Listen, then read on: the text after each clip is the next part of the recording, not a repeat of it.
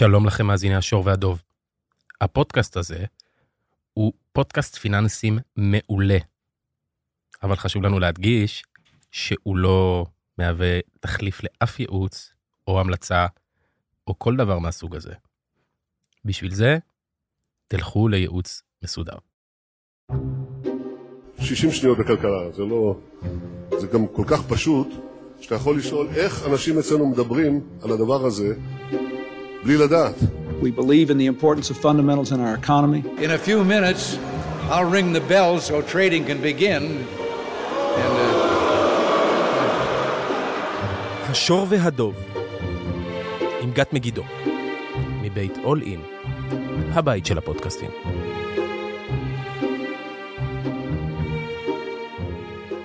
שלום לכולם, מאזינים ומאזינות, אנחנו בפרק מספר 36 של השור והדוב. אה, אני גת מגידו, אני היום אה, שותפה מייסדת ומנכ"לית של בית ההשקעות פינסה קפיטל, בעברי הייתי מנהלת ההשקעות הראשית אה, של פסגות, והיום אני די מתרגשת מהאורח שיושב מולי, אסף רוזנברג. אהלן אסף. שלום. אסף רוזנברג הוא בן הזוג שלי, ואבא של בנותינו, קרני וזיו, ועוד מיליון דברים. כן. אבל זה, זה למה אני מתרגשת. נכון. אה, והוא גם אה, איש שוק ההון ופיננסים. פעיל שוק הון ותיק. איש שוק, פעיל שוק הון ותיק, אין ספק. אה, ווואלה, הסכים לבוא לפודקאסט, מה אני אומר? מה נגיד? לא יודעת. קח את זה מפה. ניקח את זה מפה.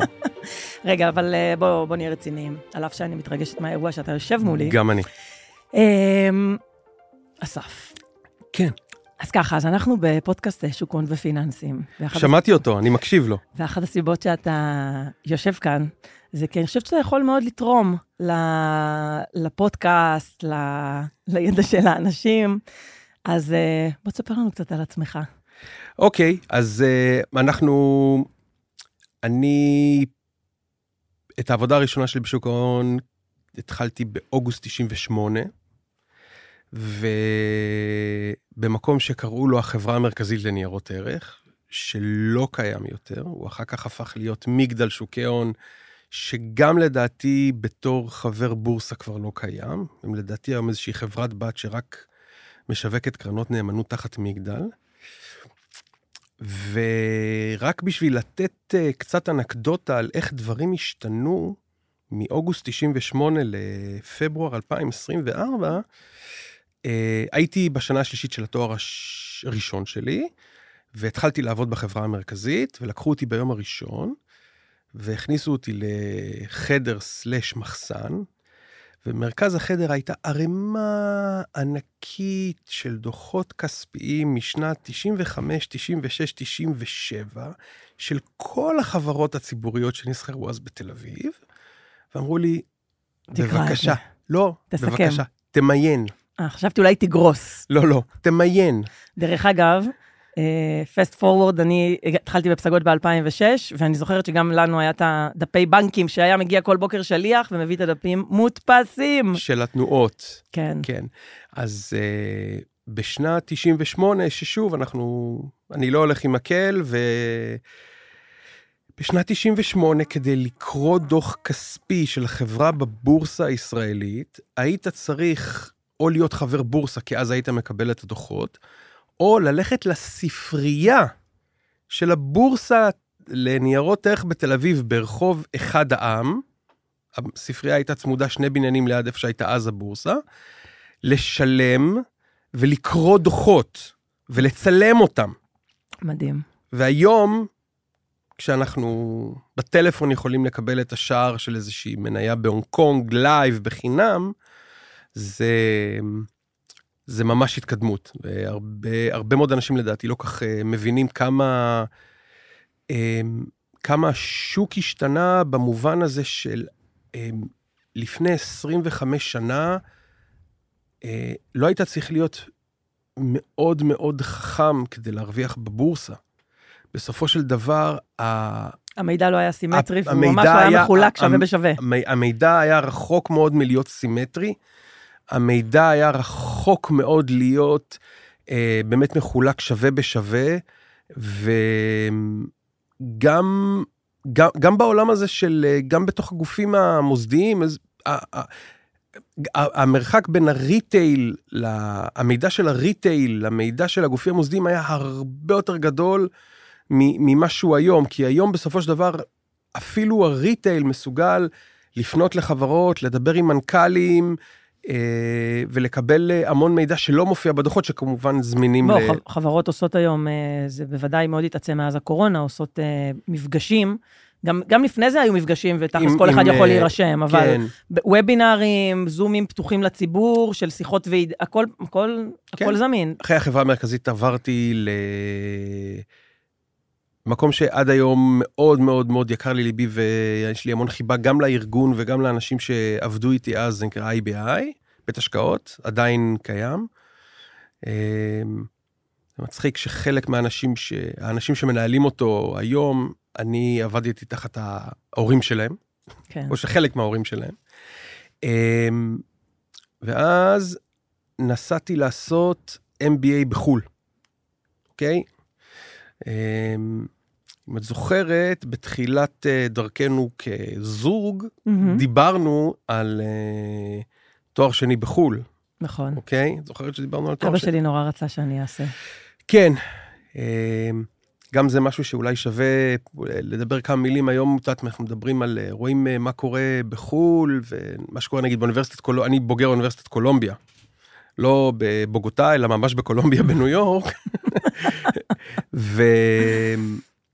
וחלק מהעניין של כשאתה נוסע לעשות תואר שני בחו"ל עם כל העלויות, זה, זה, זה לא רק הנושא, כשאתה, אחד הדברים שהם לא מספרים לך, ואתה מגלה בדיעבד, שכשאתה ממלא את האפליקציה, אתה בעצם צריך לחשוב איך ייראו החיים שלך עוד חמש שנים. מהמם. כי אתה ממלא את הטפסים, ואתה עובד מאוד קשה לכתוב את כל החיבורים ואת הג'ימאט, ואז אתה מחכה לתשובות, ואז אתה מתחיל ללמוד, אתה מחפש עבודה, ובדרך יש ספטמבר 11, ומיתון, וקיבלת עבודה, והחיים שלך לכאורה כאילו מתחילים אחרי כל העלויות, בעצם באמת ארבע או חמש שנים אחרי שבעצם התחלת. עכשיו, אם, אם התחלת למלא את ה application, את ה, ממש את העמוד הראשון, כשאתה בן 27, כשאתה מסיים את הממש להיות פול טיים אמפלואי באיזשהו בנק, אתה כבר בן 32, 31, 32, זה, זה הזמן, ו... בן אדם מאוד שונה בגיל 27 ומה שאתה בן 32. נכון, אבל אפשר להגיד את זה גם על בן אדם שהולך ללמוד רפואה ומתחייב ל... לא יודעת, 7, לג- 8, 9 עשור שנים לג- לפחות. לג... אה, נכון. אבל זה נכון, זה החלטות גדולות.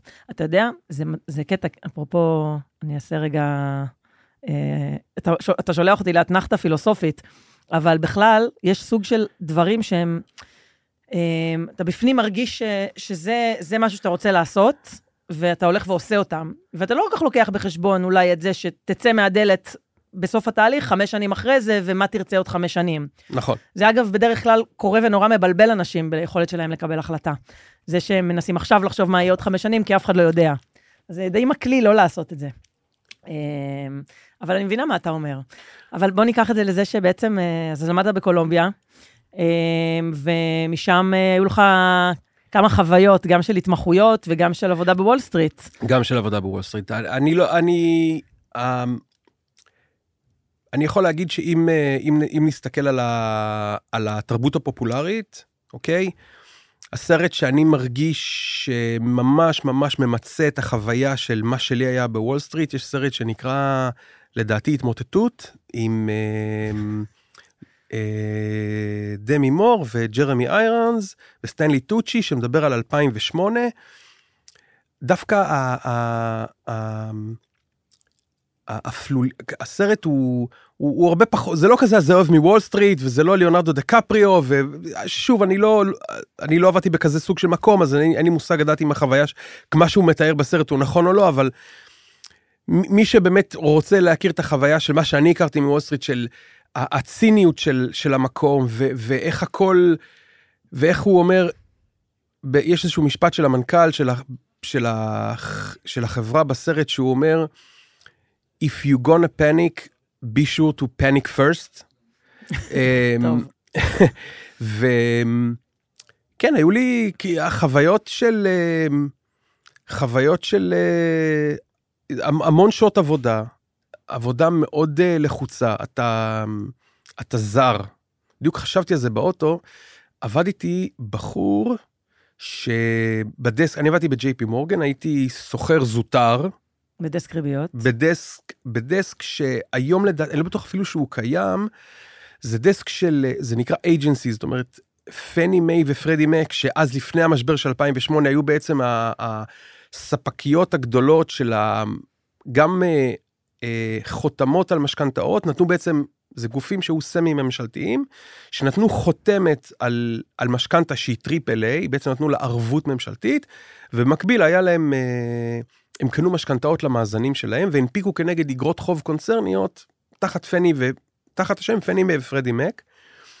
אמ, והדסק של אה, מסחר באגרות חוב הקונצרניות האלה היה תמיד בכל המקומות הדסק השני הכי גדול אחרי אג"ח ממשלתי. זאת אומרת, אם בדסקים של האג"ח הממשלתיים היו עשרה סוחרים, ואם את רוצה אני גם אספח איך זה עובד עשרה סוחרים, שסוחרים באג"ח ממשלתי בארצות הברית, אז בדסקים של פני ופרדי היו אה, חמישה שישה סוחרים שזה גם לא אה, לא מעט אז הייתי סוחר מאוד זוטר.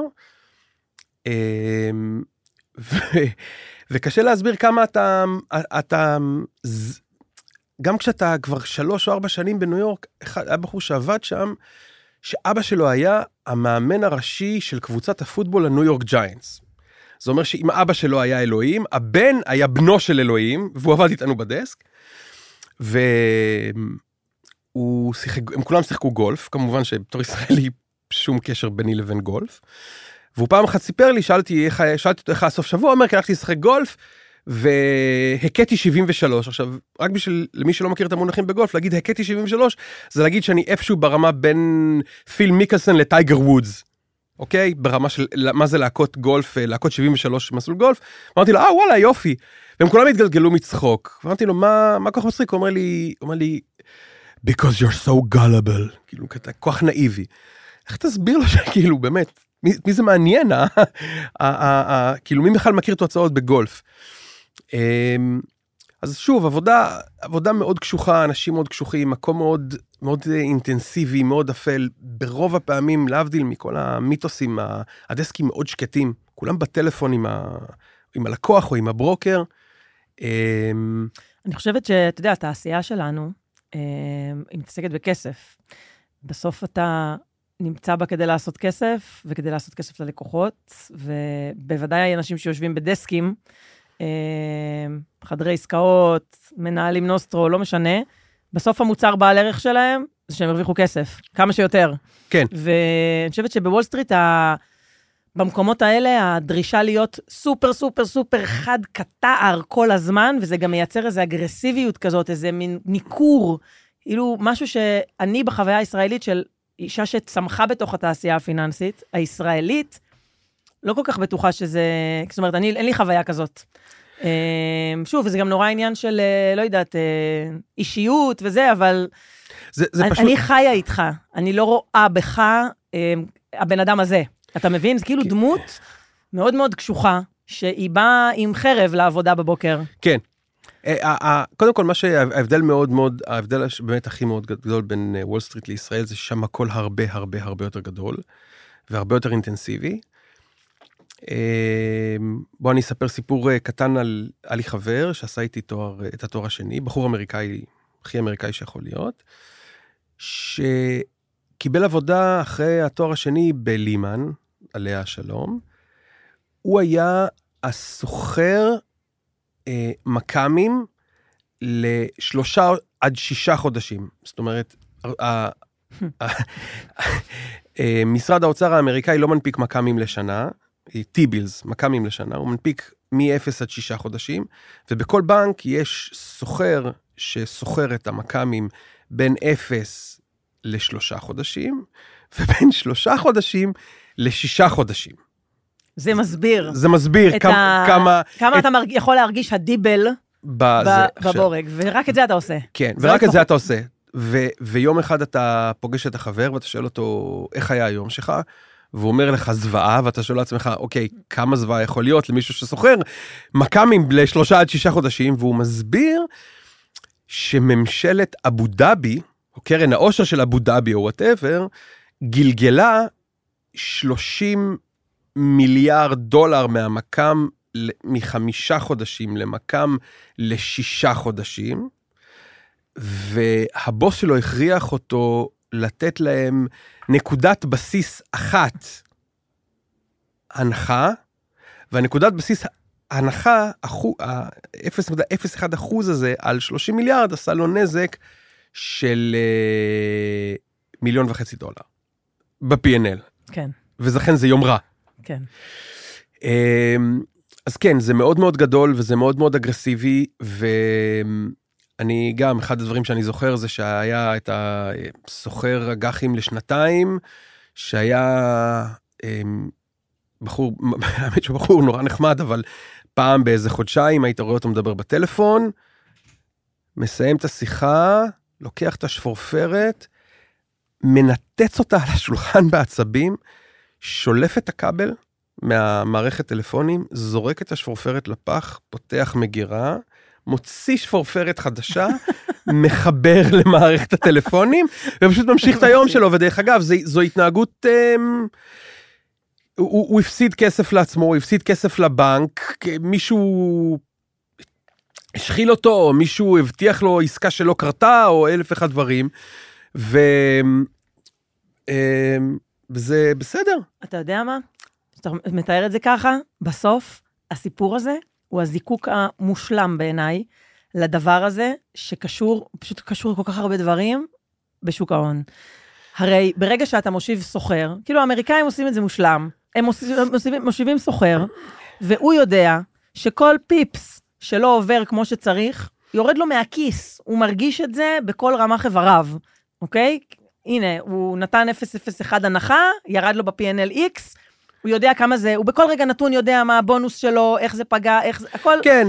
בגדול, בסדר? אנחנו מדברים על, על, על אה, פרי, פרי, 2000, פרי 2008, אחרי 2008 הנקודה... עם כל השכר, כן, אבל, אבל בגדול אבל, כן. אבל, אבל הנקודה היא, אתה יודע, יש, יש לי פה שיחות עם, אה, אה, על שקיפות של חברות, אוקיי? או תחשוב אפילו ביום יום שלי, בבורסה הישראלית, נדבר עוד רגע על ההבדלים גם בין הבורסה הישראלית לאמריקאית, כי אתה חי יותר באמריקאית, על הדבר הזה של להיות כתף לכתף עם המשקיע. האם להנהלות, בכל רגע נתון, יש באמת אינטרס, או הם חיים בשביל לייצר ערך לבעלי המניות. אגב, לא רק, אפילו סטייק הולדרס אחרים, גם בלשלם את החוב.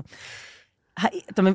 כאילו כמה ה linking הזה, תחשוב על איש מכירות. איש מכירות קם בבוקר, אתה בין היתר, לא, לא, לא הגענו לזה, אבל בין היתר גם היית ברוקר, ואני זוכרת את עצמי, בת 27, כשהכרנו, אתה היית ברוקר, מנהל דסק אג"ח באקסלנס. נכון. ואני אגיד את זה בצורה הכי כנה, אני אמרתי לך את זה כבר כמה פעמים, ושיתפתי בזה גם אנשים אחרים, כי זה ממש קטע באבולוציה של התפתחות מקצועית.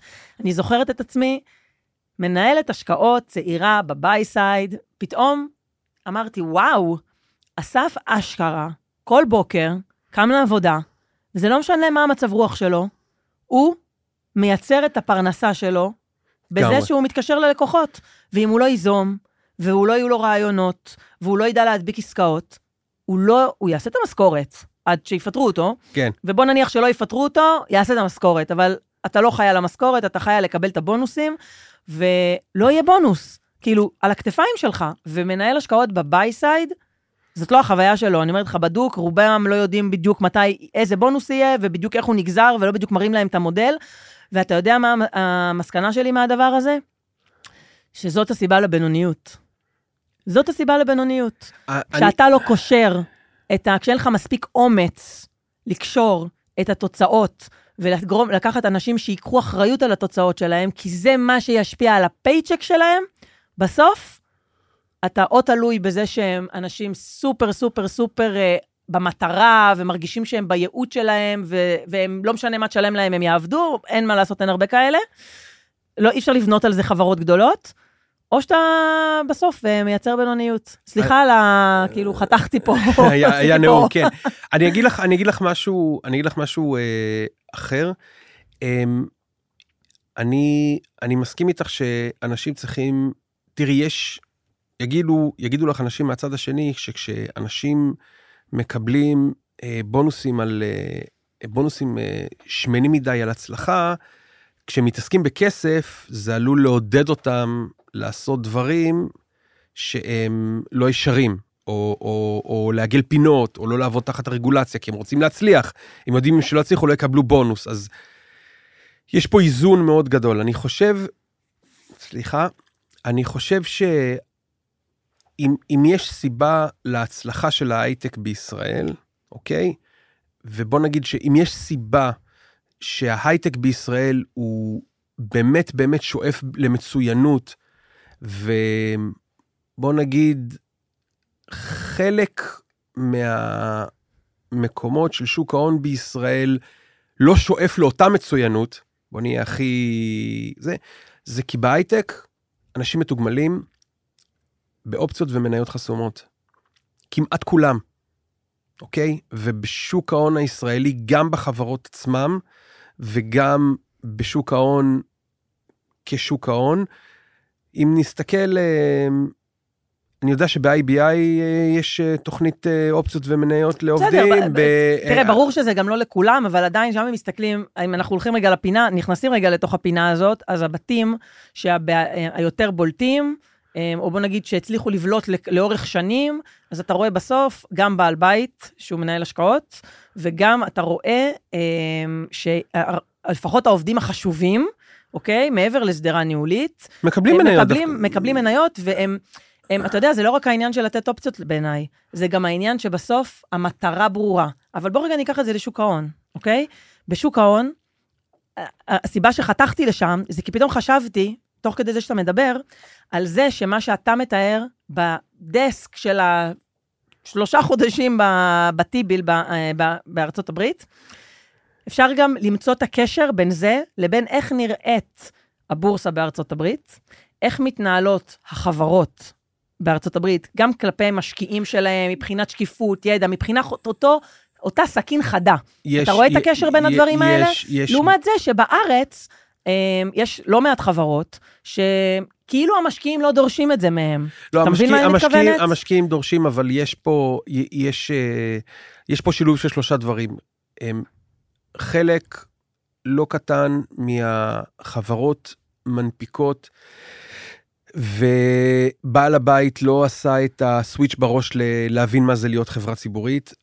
אה, אני חושב שיש פה טעות שהרגולטור סלאש הבורסה עושה, שהיא נותנת לחברות להנפיק. השיטה הזאת שחברה מנפיקה 20 או 25 אחוז מהמניות שלה, בהקצאה לא אחידה, מפזרת אה, 4-5 אחוז בעצם, כמה גופים מוסדיים, בכמה גופים, ו... ויאללה, ויאללה זה נרשם למסחר, כשבתכלס... אין מחזור. אין מחזור, אין, אין, אין, אין מחזור, אה, אין לבעל הבית אה, שום אה, אינטרס להיות שקוף מול המשקיעים הפרטיים וכולי וכולי, זה בעיה קשה מאוד. אני חושב שחלק מאוד מהותי מה, מהבעיה זה שהדירקטורים וההנהלה, נקרא לזה הבחירה סלש זוטרה, לא מתוגמלים באופציות ומניות בישראל. הברית, דירקט, דירקטור בחברה ציבורית מתוגמל, עיקר השכר שלו זה במניות, ובארץ זה לא ככה.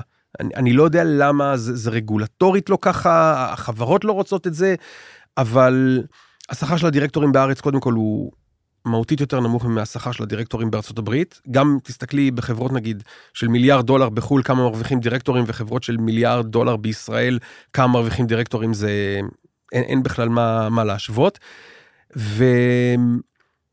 ובכלל כל האוריינטציה של החברות הישראליות יש בארץ יש בארץ חברות טובות יש בארץ הנהלות טובות אוקיי אנחנו אני ממש ממש לא מאמין ב... כאילו בכל השיימינג הזה וה, והשוק בארץ וזה, יש, יש דרך, מ, יש דרך להרוויח כסף מ, מלהשקיע בארץ. אנחנו, יש לנו חבר מאוד מאוד טוב, שכבר 30 שנה מוציא את אה, לחמו ופרנסתו מ, מהשקעת נוסטרו בארץ, ועושה את זה בצורה מאוד יפה, זאת אומרת, זה אפשר, וזה... חד משמעית. חד משמעית. מסכימה. אבל, אמ, גם הבורסה וגם הרגולטור, אמ, אם זה לא, אם זה לא יבוא מהחברות עצמם, חייבים, אין, מצב שינפיקו 20% מחברה ובעל הבית יישאר עם 80%. אין מצב שחברה אמ, לא תפרסם, לא יהיה לה אתר באנגלית. כמה חברות יש בישראל שהן מחוץ נגיד ל-20 הגדולות או 30 הגדולות, שיש להן אתר באנגלית, עם מצגת באנגלית, עם דוחות באנגלית? אני לא מדבר בכלל על IR, זר, לקחת IR מלונדון. אה, כל, כל החברות, מה, מה בסופו של דבר, הן נסמכות על, על, אה, על הברוקרים שיקחו אותם לסיור בלונדון, או שיביאו אותה, את המשקיעים לישראל, או שיקחו אותם לזה, ו, ובזה זה נגמר. אין, אין בכלל גישה לריטייל, אין בכלל גישה ל, ל, למישהו שמתעניין ב, ב, במשהו שהוא קצת מעבר ל, ל, למה שמנגישים להם. כן. אמ, וזה לדעתי בעיה. יש, יש, ב, יש בשוק הישראלי, אמ, הוא, הוא קטן, אמ, הוא לא מונגש. אה, אז מה שדיבור פה, אני, דניאל שהיה פה לפני שבוע, אנחנו עבדנו ביחד אה, באקסלנס, לדעתי כמעט אה, ארבע שנים לפני שהוא עזב, ללאומי. הוא דיבר על הרבה דברים, על המעבר ל-MSCI וכולו, והכל נכון. קצת, קצת המעבר הזה של ישראל למדינה מפותחת פגע בנו, אבל המון חברות לא באמת מתאמצות להיות מונגשות לריטייל, להיות מונגשות לריטייל בחו"ל, אה, אה, אה, לפתוח את העולם, אה, כי בעל הבית או המנכ"ל מקבל שכר, רובו הגדול במזומן, לא כל כך אכפת להם לחלקם הגדול, לא כל כך אכפת ממחיר המניה. אה, זהו. אני רק, כל, לסכם את הנושא הזה, אני פשוט חושבת שיש המון דברים שאפשר להסתכל עליהם בבורסה האמריקאית, בזה שהיא מאוד מאוד מאוד חותכת בבשר, אמ, ו... אבל, אבל מ, מ, דורשת אה, סוג של, אה, נקרא לזה מצוינות, מבחינת ה, איך אתה מתנהל, מבחינת השקיפות, מבחינת המידע. אמ, זה מתחבר גם למה שאמרת בהתחלה, על ה... הבור, על, הבורסה, על, האמריקא, על הבורסה האמריקאית בסופו של דבר... יש כאילו, יש, יש אה, שיטות עבודה בבורסה האמריקאית, סתם, בוא תיקח אה, נניח את הדוגמה של, אה, של בייבקים לעומת דיבידנדים. חד משמעית. אוקיי? כאילו דברים שקורים בבורסה האמריקאית, כבר נרחיב על זה, שהם עובדים בשביל... אה, המשקיע הפרטי. בשביל המשקיע, עובדים בשביל מחיר המניה. לא לגמרי. לא באמת צורה רעה, צורה... לגיטימית, לגיטימית לחלוטין.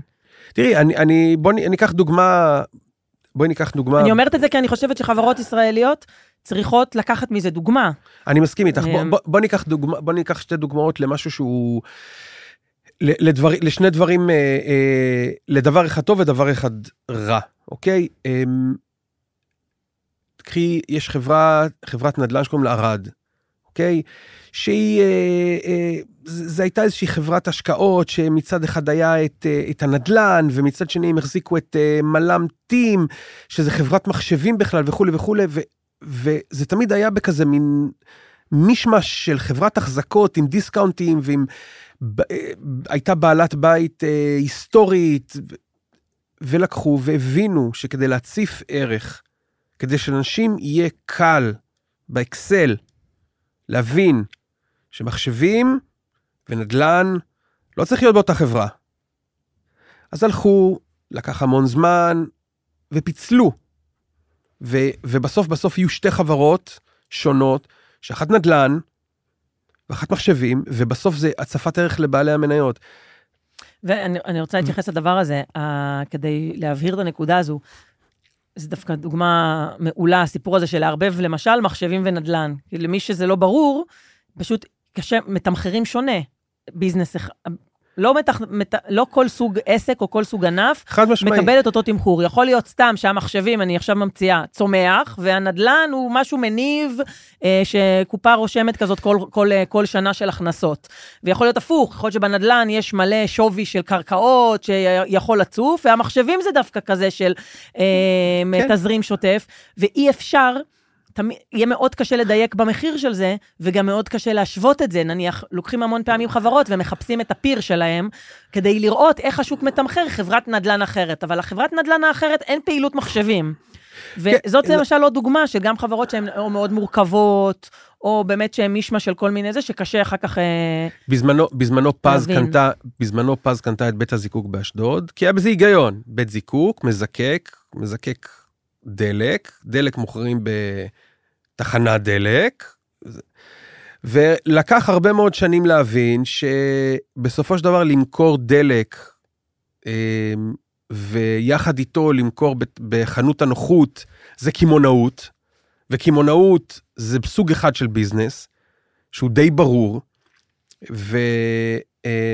ו- ואפילו די, ודי יציב יחסית. ודי יציב ו- וצומח, ומצד שני, אה, זיקוק. בית זיקוק זה עסק שהיום יש מלחמה ברוסיה ומחר אין מלחמה ברוסיה, ויש השבתה של בית זיקוק ביוון או אין השבתה של בית זיקוק ביוון, והמרווחים מאוד שונים, וזה לא בעצם, זה לכאורה זה נראה עסק שהוא משלים, אבל הוא לא באמת משלים.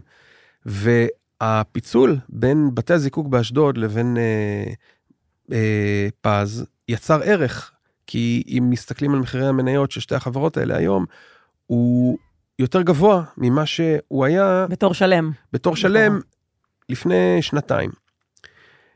דיברת על, אה, בוא נדבר דקה, רק דקה על על מה buyback ים שדיבר, על, על. buyback ים, אה, זה. חבר'ה תותחים, פימי, תותחים, תותחים, אין, אין, אין אה, זה. לקחו חברה, קראו, קראו לה יוניטרוניקס. דרך אגב, גם חברה טובה, עושה בקרים, נכנסים לענן וכולי, מדהים. פיצלו, הייתה שם חברה שעוסקת ב... חניונים. פיצלו אותה. יוטרון. יוטרון, פיצלו, עשו את החברה שקופה, יודעים מה זה עושה, צומח מדהים, אה, פעילות SaaS של בקרים, אה, הרוויחו מאוד יפה. למה יש שם דיבידנד כל כך גדול שנותן תשואת דיבידנד? אולי להחזיר כסף למשקיעים של פימי? אה, אין בעיה. שעשו, אה, יש, יש המון דרכים להחזיר כסף למשקיעים של פימי. buyback. פשוט עושים buyback. פימי יכולים, דרך אגב, במסגרת ה buyback, אה, יש היום, דרך אגב, בארצות הברית, חברות שבמקום לעשות buyback, פשוט עושות הצעות רכש חלקיות. באות ואומרות, אוקיי, אנחנו קונים 3% מהחברה, 5% מהחברה באיזושהי פרמיה של 10% מעל מחיר השוק. מי שרוצה למכור, ימכור, מי שלא רוצה למכור, לא חייב למכור. ומי ש... וזה נותן נזילות למי שרוצה למכור. אמ, הדיביד... הדיבידנד, זה, זה דרך אגב, זה משהו שהוא, שהוא מאוד בולט בישראל, דרך אגב גם באירופה, כי אנחנו במידה מסוימת, ישראל מאוד דומה ל... לאירופה בדברים האלה. הדיבידנד פוגע במשקיע הפרטי, כי הוא משלם מס במקור. זאת אומרת, אם אני מחזיק אה, מניית אפל, או מייקרוסופט, או גוגל, לטווח ארוך, והחלטתי שאני מחזיק אותם לחמש, עשר שנים, אני לא נפגש עם אירוע מס עד המכירה. ומצד שני, אם אפל במקום אה, לעשות buyback ולה, ו, ולהקטין את מחיר, המניה, מחיר הסחורה הצפה בשוק על ידי קנייה של מניות וככה להציף ערך, הייתה מחלקת לי דיבידנד, אני הייתי נפגש עם מס, פעם ברבעון, פעם בחצי שנה, פעם בשנה, לא משנה מה. אמ, זה נכון שהייתי יכול לקנות את המניה חזרה, אבל בדרך הייתי משלם מס ל, ל, לרשות המיסים, כש... ב, אם, בתור משקיע לטווח ארוך אני רוצה לדחות את המס כמה שיותר. אמ, אבל זה לא נכון שבכל מצב עדיף לעשות buyback על דיבידנד. כאילו buyback יש לו, יש לו טריגר, למה, יש, יש, אני, אני אישית חושב שבכל אה, רגע נתון עדיף buyback על דיבידנד, עם כל ה... כן, אבל לקנות נניח אה, שחברה תקנה מניות של עצמה כשהן, לא יודעת, מתומחרות ב... מכפיל 30, בסדר. אז מה עדיף? היא יכולה להשקיע בצמיחה. אה, שוב, אנחנו כרגע, את רוצה לדבר על, על. ניהול, ניהול, הון, ניהול הון ומאזן אני- בחברות ישראליות לעומת, זה גם שיחה שאפשר... אני, אני אגיד לך מה. שאני אני לפחות, איך שאני רואה את זה, אמ, חברות, אני מצפה מחברות פה שכשמחיר המניה שלהם, אה, הן- הן רואות במחיר המניה שלהם שהוא מגלם איזשהו discount מאוד גדול לפעילות, שלא יחלקו דיבידנד ושיעשו אה, בייבקים. פשוט בישראל זה קורה הרבה פחות. אתה רואה חברות קונות את החוב שלהן כשהוא נסחר ב discount. משמעית. זה רואים המון, כי זה באמת מאוד מאוד כלכלי לחברה. כאילו buyback זה פשוט משהו שכמעט לא, י- לא רואים יש- פה. ואני פשוט מנסה, אני מנסה לפתח איתך את הרגע, למה זה ככה? למה בארצות הברית זה דבר שהוא, תוכניות בייבקים מאושרות על ימין ועל שמאל. אני חושב ש... תראי, קודם כל, בוא, בוא נעשה ככה, אנחנו... אני, אני, תקשיב, אני, כשבבא- אני, לא רוצה, אני, לא רוצה, אני לא רוצה להיכנס, אני לא רוצה להיכנס ל... ל... הרגולציה בישראל ועורכי הדין ו... הם, מקשים, אוקיי? אנחנו שנינו מכירים אה, סמנכ"ל כספים בחברה ציבורית, ששקל לקנות מניות של החברה של עצמו, slash לעשות buyback, ומספר על דרך החתחתים שעורכי הדין אה, אה, מעבירה אותו ב... יש לך מידע פנים, אין לך מידע פנים, המון אנשים לא רוצים להסתכן בזה, אבל אני מדברת על זה שזה סבבה. אוקיי? אני- זה דבר אחד. אה, ש- שזה דרך אגב לוקח אותנו לנושא אחר שהוא מקביל לדבר הזה של בייבקים, זה שהציפייה שבסיטואציות מסוימות, בעלי שליטה, אוקיי? אה, בחב- בחברות, יקנו את המניות של עצמם ברגעי משבר, כי אם הם מאמינים בנכס לטווח הארוך, אז... אה, זה וגם את זה אנחנו לא מספיק רואים. לא. ובארצות הברית רואים הרבה יותר. אז אני, אני אתן לך משהו, שזה משהו שהוא, אה, אני אתן לך משהו שהוא הרבה יותר אה, תרבותי, אוקיי? אה, תסתכלי, מתי ראית לאחרונה, ויש מקרה שהוא לאחרונה, אבל בואי נעזוב כרגע את המקרה של לאחרונה, כמה שהמקרה הזה קיצוני. אה, מנכ"ל אה, וויקס קנה לפני חודש או חודשיים, אה, הם קנו כמה חבר'ה מההנהלה, אה, מניות של עצמם, אוקיי? מתי ראית מנהל ישראלי באחת מהחברות הישראליות שנסחרות בחו"ל, אוקיי? קונה מניות של החברה בעצמו. נגיד סולארג' ירדה מ-300 ל-65, מתי, האם אחד מהבכירים בסולארג' קנה מניה של עצמו אחרי שהנייר ירד 80 אחוז? התשובה היא לא. אמ, לא, לא, באמת, לא, לא- שזה מתחבר, שוב, לנקודה שקודם אה, קצת אה, נוצרה לנו, אה, של לחבר את הכסף בחשבון הבנק שלך, בתוך תעשייה שמתעסקת בכסף בסוף. כן, צריך למצוא לדברים האלה הגבלות ו- ולשים סביב זה איזושהי גדר. ברור מאוד מה זה הדבר הזה. גם אני לא נותנת בונוס למנהלי השקעות שלי הם, על, על תשואה, וזה אסור גם רגולטורית, וזה ברור לכולנו למה. ועדיין, כשאתה קושר הגדרה של הצלחה, אוקיי? לכיס של הבן אדם, אתה בדרך כלל תקבל אותו במאה אחוז שלו. דרך אגב, אני חושב שאני לא מעורה, אני, אני, אנחנו נשים פה איזשהו אה, disclaimer, שאני אוהבים פה disclaimer. מאוד אוהב דיסקליימרים, שאני היום פחות חד על, אה, על מה שקורה לגמרי בשוק הישראלי, זאת אומרת, אני מאוד עוקב, אבל לא, לא עוקב כמו שעקבתי פעם, אבל בהקשר הזה של ה... לקשר בין מחיר המניה לבין אה, ביצועים, אני חושב שמה שעשו נגיד ב Generation, אוקיי? שחלק מהבונוסים של חברת הניהול קשורים למחיר המניה, הוא דבר ראוי. אם נכון, אבל זאת המשקיע... בדיוק הבעיה, אבל אין- לפני אין- זה היה מודל שבור. אני מסכים איתך זה- אני זה מסכים שזה- איתך. זה שזה טוב להפוך אותו לכזה, זה ברור, כי זה אני- ככה צריך להיות מראש. אני, אני, אני אגיד לך משהו, אני חושב שבתרבות הישראלית, אה, ישראלים אוהבים נדל"ן. ישראלים אוהבים נדל"ן. יהודים, יהודים אוהבים נדל"ן. כן. אנחנו לא גזענים, אבל יהודים אוהבים נדל"ן, אוקיי? אה, יהודי... אה, אה, זה עובד להם לא רע בינתיים. אין לי שום בעיה עם זה, אבל יהודים בסופו של דבר, לא, מבחינתם, בורסה זה משהו מסוכן, עולה, יורד, וכולי וכולי. יהודים אוהבים שיהיה להם, החסכונות שלהם זה בנדל"ן. חזרנו מניו יורק? אנחנו צריכים לדעתי לחזור ולרוץ קצת. חזרת מניו יורק, חזרנו מניו יורק, forward. פסט פורוורד, חזרנו מניו יורק, עבדנו במקום נפלא שקוראים לו מבטחים החדשה, לא הרבה זמן, שנתיים. אה, משם עברתי לפריזמה. אה, ואחרי פריזמה עברתי לאקסלנס. אוקיי. אוקיי, שם פגשתי את דניאל. אה, חשוב קצת לספר, אני לא, אני לא יודע כמה יכעסו עליי אם אני אספר את זה, אבל דניאל שהיה פה הוא בחור מאוד אה, רציני. והוא מחושב, וכל מילה אצלו מדודה. אה, והרבה מאוד ברוקרים הם לא כאלה. בימים הטובים בחדר המסחר באקסלנס, אוקיי? אז uh, היה את הבחור שטיפל בלקוחות הפרטיים, ששוב, היה לו לקוח שפשט, שפשט רגל, אז הוא היה בפינה אחת והוא צעק, סלאש, אמר ללקוח, אתה נתת, אתה נתת את ההוראה. ולידו היה את, אה, את הבחור, דני, שעבד עם אה, אנשי עסקים גדולים כאלה או אחרים, שהיה... נחנקת פה. כן, שהיה, אז במקרה שאותו איש עסקים היה, נגיד באיזה נסיעה לגרמניה או משהו, אז זה היה צעקות ברקע, אליעזר, אליעזר. ואז לידם את אנשי המניות, ואז את אנשי האג"ח, ואת דניאל שניסה לדבר עם לקוחות באנגלית בפינה, ולא ככה, זה.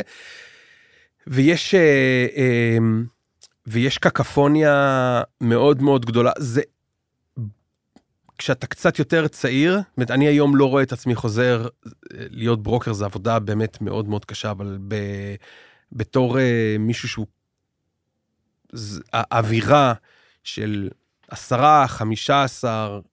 בשולחן גדול, מלא בשולחן מסכים, מלא מסכים, נושמים את אותו אוויר. נושמים את אותו אוויר, צועקים אחד על השני, מריצים, מריצים, היה לנו שני חבר'ה שהריצו בדיחות, שבאמת זה היה האנשים הכי מצחיקים בעולם. את עומרי וייסמן הוא כנראה באמת הבן אדם הכי מצחיק בעולם, ומי שזכה לעבוד עם עומרי וייסמן יודע כמה זה כיף וכבוד ואושר לעבוד עם בן אדם כזה שחמש שנים אה, מצחיק אותך כל יום, כל יום אתה, אתה מקבל כסף כדי אה, ללכת אה, אה, לראות אה, הופעה. ואלה היו חמש שנים מאוד, ושוב, זה נכון, אתה, אתה, ההגדרה, הרי, הרי מה זו עבודה סיזיפית? עבודה סיזיפית זה סיזיפוס שכל יום קם בבוקר וצריך לגלגל את הסלע במעלה ההר, ואחרי שהוא הגיע לראש ההר, יורד לילה והסלע מידרדר ואתה, זאת, זה, זה, אתה קם כל יום בבוקר, אתה צריך לייצר עסקאות חדשות מסיפורים חדשים, אתה צריך לספר ללקוח דברים שהוא לא שמע ממך אתמול או ממישהו אחר במקביל. ו... זו מצד אחד עבודה מאוד, מצ... כשזה מצליח ואתה סוגר עסקה ואתה יודע, אתה יודע מי מוכר ואתה יודע מי קונה ואתה, ואתה on top of things מה שנקרא, זה מאוד מאוד כיף, היום מאוד עובר מהר. אמ, ומדי פעם יש לך אנשים מאוד מאוד נחמדים ומאוד נאמנים, כמו מי שהיה לקוח שלי, שלנצח ייזכר, רובר ישראל מהראל. שפרגן ואהב, וזה כל כך כיף, וזה דברים שאנשים זוכרים, זוכרים לנצח. מצד שני, יש המון אנשים שלא עונים לך לטלפון כי הם עסוקים, כי יש להם פגישות, חלקם באמת מאוד עסוקים, חלקם פשוט לא נחמדים. ז, זו עבודה שאני, שהייתי מאחל, הייתי מאחל ל, לכל אחד לתקופה, של לעבוד בחדר מסחר עם, עם כל האקשן, עד, עד, עד, עד, עד נקודה מסוימת שזה כדי לא... כדי לא להישחק מדי. כי, כי הבעיה מספר אחת בלהיות ברוקר, זה שאתה מזדקן והלקוחות נשארים באותו גיל. כי מה שקורה זה שתחשבי היום, תחשבי נגיד עלייך בפסגות, אני הייתי, אני הייתי הברוקר שלך. נכון.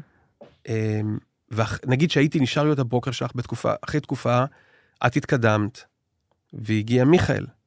כן. ואז מיכאל התקדם, והגיע... והגיע הבא בתור. והגיע הבא כן. בתור, ועכשיו, הבאים בתור בהגדרה נהיים צעירים יותר, אז הפער ביני לבינך בגילאים הוא תשע שנים, ותחשבי שהפער ביני לבין מיכאל הוא... אותו דבר. אותו הדבר, אבל הבא, הבא אחריו, הוא כבר...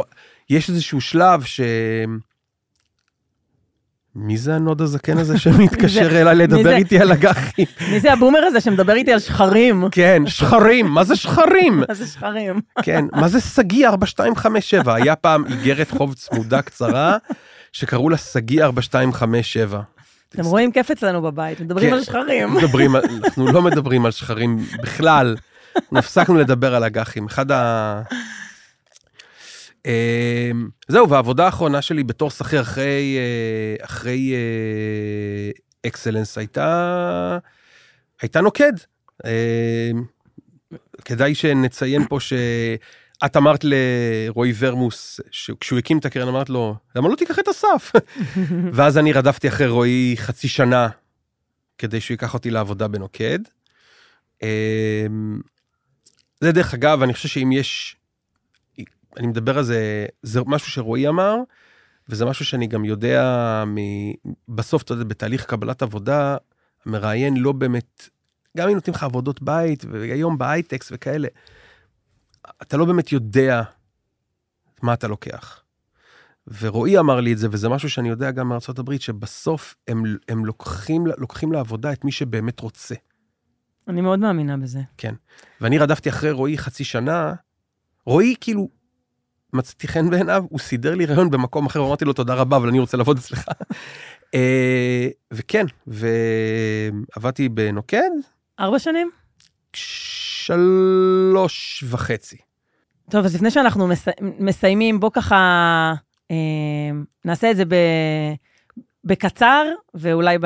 יהיה לזה המשך. אבל כשאתה. מסתכל על, על מה קורה ממש בימים האלה בשוק, כאילו על איך הסתיימה 2023 ועל עכשיו 2024, על התנודתיות המטורפת של הציפיות. עזוב רגע מה קורה כאילו במחירים, אתה מסתכל על זה שבדצמבר, בנובמבר אה, היה פה רגע שתמחרו בפרמיות סיכון אה, התפתחות של מלחמת עולם. אה, בדצמבר הפד אומר, אני הולך להוריד ריביות, והשוק לוקח אותו לשש הורדות ריבית. ואז מתחיל ינואר, ומאותו רגע פתאום הנתונים מאוד מאוד חזקים, והפד משנה, ובינך לביני תמיד אתה אומר, תפסיק, תפסיק לחפור לי על מקרו. בואי, אני אגיד, אני איך, אני איך אתן משקיע. איך דג שוחה אני אתן, אני אתן, הזה. אני אתן לך, אני אתן לך, אני אתן לך את השני סנט שלי, באיך שאני מסתכל על דברים, אוקיי? אחד, אמ, משקיע, גם אם הוא משקיע טווח קצר, טווח קצת יותר ארוך, וכולי וכולי, אמ, חייב להיות תמיד אופטימי. תמיד אופטימי. עד על, על, על גבול הטיפשות, הייתי אפילו אומר, אוקיי? בסופו של דבר, תשעה מתוך, תשע מתוך עשר שנים השוק עולה, אוקיי? אמ, זה אם אתה לא, אם אתה לא תסבול ב, בהפסדים, גם לא תהנה ברווחים. אי אפשר לתזמן את השוק, אי אפשר לדעת. זה דעתי אקסיומטי. אמ, אני יכול להגיד לך שנגיד הטעות שלי בסוף 2022, אני הייתי מאוד אופטימי לתוך 2023, כי הפסימיות מסביב הייתה כל כך גדולה. כולם דיברו להזכירך בסוף 2022, ש-2023 שיהיה מיתון, וש-2023 תהיה עוד, עוד פעם גרועה וכולי וכולי וכולי. אמ, ואני חשבתי שהשוק יהיה מאוד טוב, רק אני טעיתי בגדול, אני לא תיארתי לעצמי שמה שיהיה מאוד טוב זה 15 מניות, וכל השאר יהיה לא משהו בכלל, אוקיי? אמ, אני חושב שאנחנו מסתכלים לתוך 2024, גם אם לא מחר, אוקיי? אנחנו, אני חושב שאנחנו כן נראה האטה בצמיחה, ובמקביל לירידה בריבית, וזה כן יביא את החברות הגדולות באמת, את חברות הענק, שהיום, זאת אומרת, אם, אם חברת ענק א', שמצד אחד קיבלה חמישה אחוז על המזומן בבנק, ומצד שני צמחה מאוד יפה, אין לה שום אינטרס ואין לה שום רצון ללכת ולהתחיל להתעסק עם, אה, עם רכישות, עם, עם, אה, אה, עם, עם עסקים חדשים וכולי וכולי. כשהצמיחה קצת יורדת, והיא כנראה תאט, לא תהיה ברירה, ובמקביל הריבית תרד, אז חברת ענק א' רוצה לקנות צמיחה, איך היא קונה צמיחה? אז או שהיא יכולה לפתח אותה לבד, וזה בסדר, אבל מה שבדרך כלל האמריקאים עושים, הם קונים מן המוכן. והיום יש מן המוכן המון דברים שנסחרים מאוד בזול. מאוד בזול, אוקיי? זה הרבה פעמים נסחר בזול בגלל סיבה, כי העסק מחזורי, כי ההנהלה לא מאוד טובה, כי העסק לא קיים את כל מה שהוא הבטיח, ולא משנה, אבל יש היום המון המון חברות שאם אתה בא ואומר, אוקיי, אני מנקה את כל הציבוריות שבהם, את הדירקטורים ואת המנכ"ל המנופח וכולי, והופך אותה לחטיבה בחברה אחרת, זה פתאום, גם אם לא צומח מאוד חזק, אבל זה, זה מאוד cash flow generative. גם אם. ואולי מייצר סינרגיה עם החברה האוכלת. ומייצר סינרגיה וכולי וכולי, ולדעתי אנחנו, יש היום פערי תמחור מאוד מאוד גדולים. אמריקאים מתים על סטטיסטיקות, ואנחנו נמצאים במצב שהפערים בין ה... התמחור בין הנסדק 100 לראסל הוא ב-all time high וכולי. זה דברים שיש להם נטייה להיסגר. אמ, אני מאמין שזה יקרה. אוקיי? אני חושב שמי שעושה את השיעורי בית של עצמו לגבי איפה שיש ערך, איפה שיש חברות, גם אם הן סיקליקליות, כן? גם אם זה, זה לא, בסדר, לא כולה, אין, מייק, אין הרבה מייקרוסופטים. חברה שהיא סוג של מונופול, שכולם משלמים לה פעם בחודש או פעם בשנה אה, חוזה. זה, יש, יש מייקרוסופט אחת, זה נסחר במכפיל כנראה שבאזור ה-30 או 28, ו- וזה, אבל אם אתה מבין שיש דברים אחרים שאתה יכול לקנות במכפיל 10, או בגובה המזומן, או חברה שאתה מבין שמספיק שייכנס שם אקטיביסט ויעיף את המנכ"ל הגרוע וזה פתאום יהיה שווה כפול, אז יש המון דברים מעניינים. יודע, דיברנו על ישראל וחו"ל, גם בחו"ל וגם בישראל, כמות מנהלי ההשקעות מאוד ירדה, אוקיי? אמ, וזה הופך את זה שאנשים מחפשים טיקטים גדולים ולכן פחות מסתכלים על חברות קטנות. זה, שוב, זה אחד לאחד, וזה... זה... זה מגיע לנקודה ש... שההזדמנות הכלכלית שנמצאת כנראה, בחברות כן. הבינוניות קטנות, היא, היא, אה, שנטשו אותם, היא כבר כל כך זועקת, לגמרי. שאיזשהו פער לכל הפחות חייב להיסגר. לגמרי. אני, כן, אני ללא ספק חושב שאנחנו... אני, דרך אגב, אני חושב שחלק מהפסימיות שיש לגבי השוק הישראלי תיעלם. אני חושב שחלק, וכנ... ודרך אגב, זה, זה יבוא ביחד, זה יבוא מזה שהריבית קצת תרד, זה יבוא מזה ש...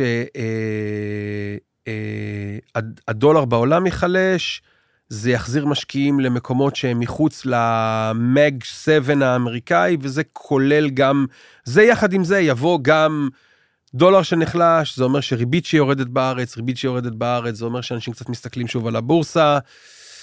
אה, זה אומר שבסוף, אה, בסוף כל ה... הרע הזה שנקרא מלחמת אה, חרבות ברזל, כנראה שגם יקרו תהליכים טובים, כי יש רצון עם הסעודים, עם האמריקאים, כאילו מנסים שיהיה פה יותר טוב, מנסים, ולכן בסוף תהיה גם אופטימיות, ויש תקווה לשוק הישראלי, אני חושב שיש פה, בדרך כלל יש פה הרבה נכסים שהם באמת מאוד זולים. מסכימה.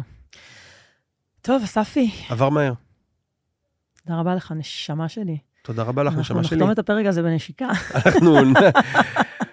או שלא. או שלא. משחק אותה קשה להשגה. לגמרי. איך לא, איך לא עשיתי את... אה, רגע, קוקי, אני צריכה לעשות אה, זה, תחכה שנייה. איך לא עשיתי אבל את ה... את מה?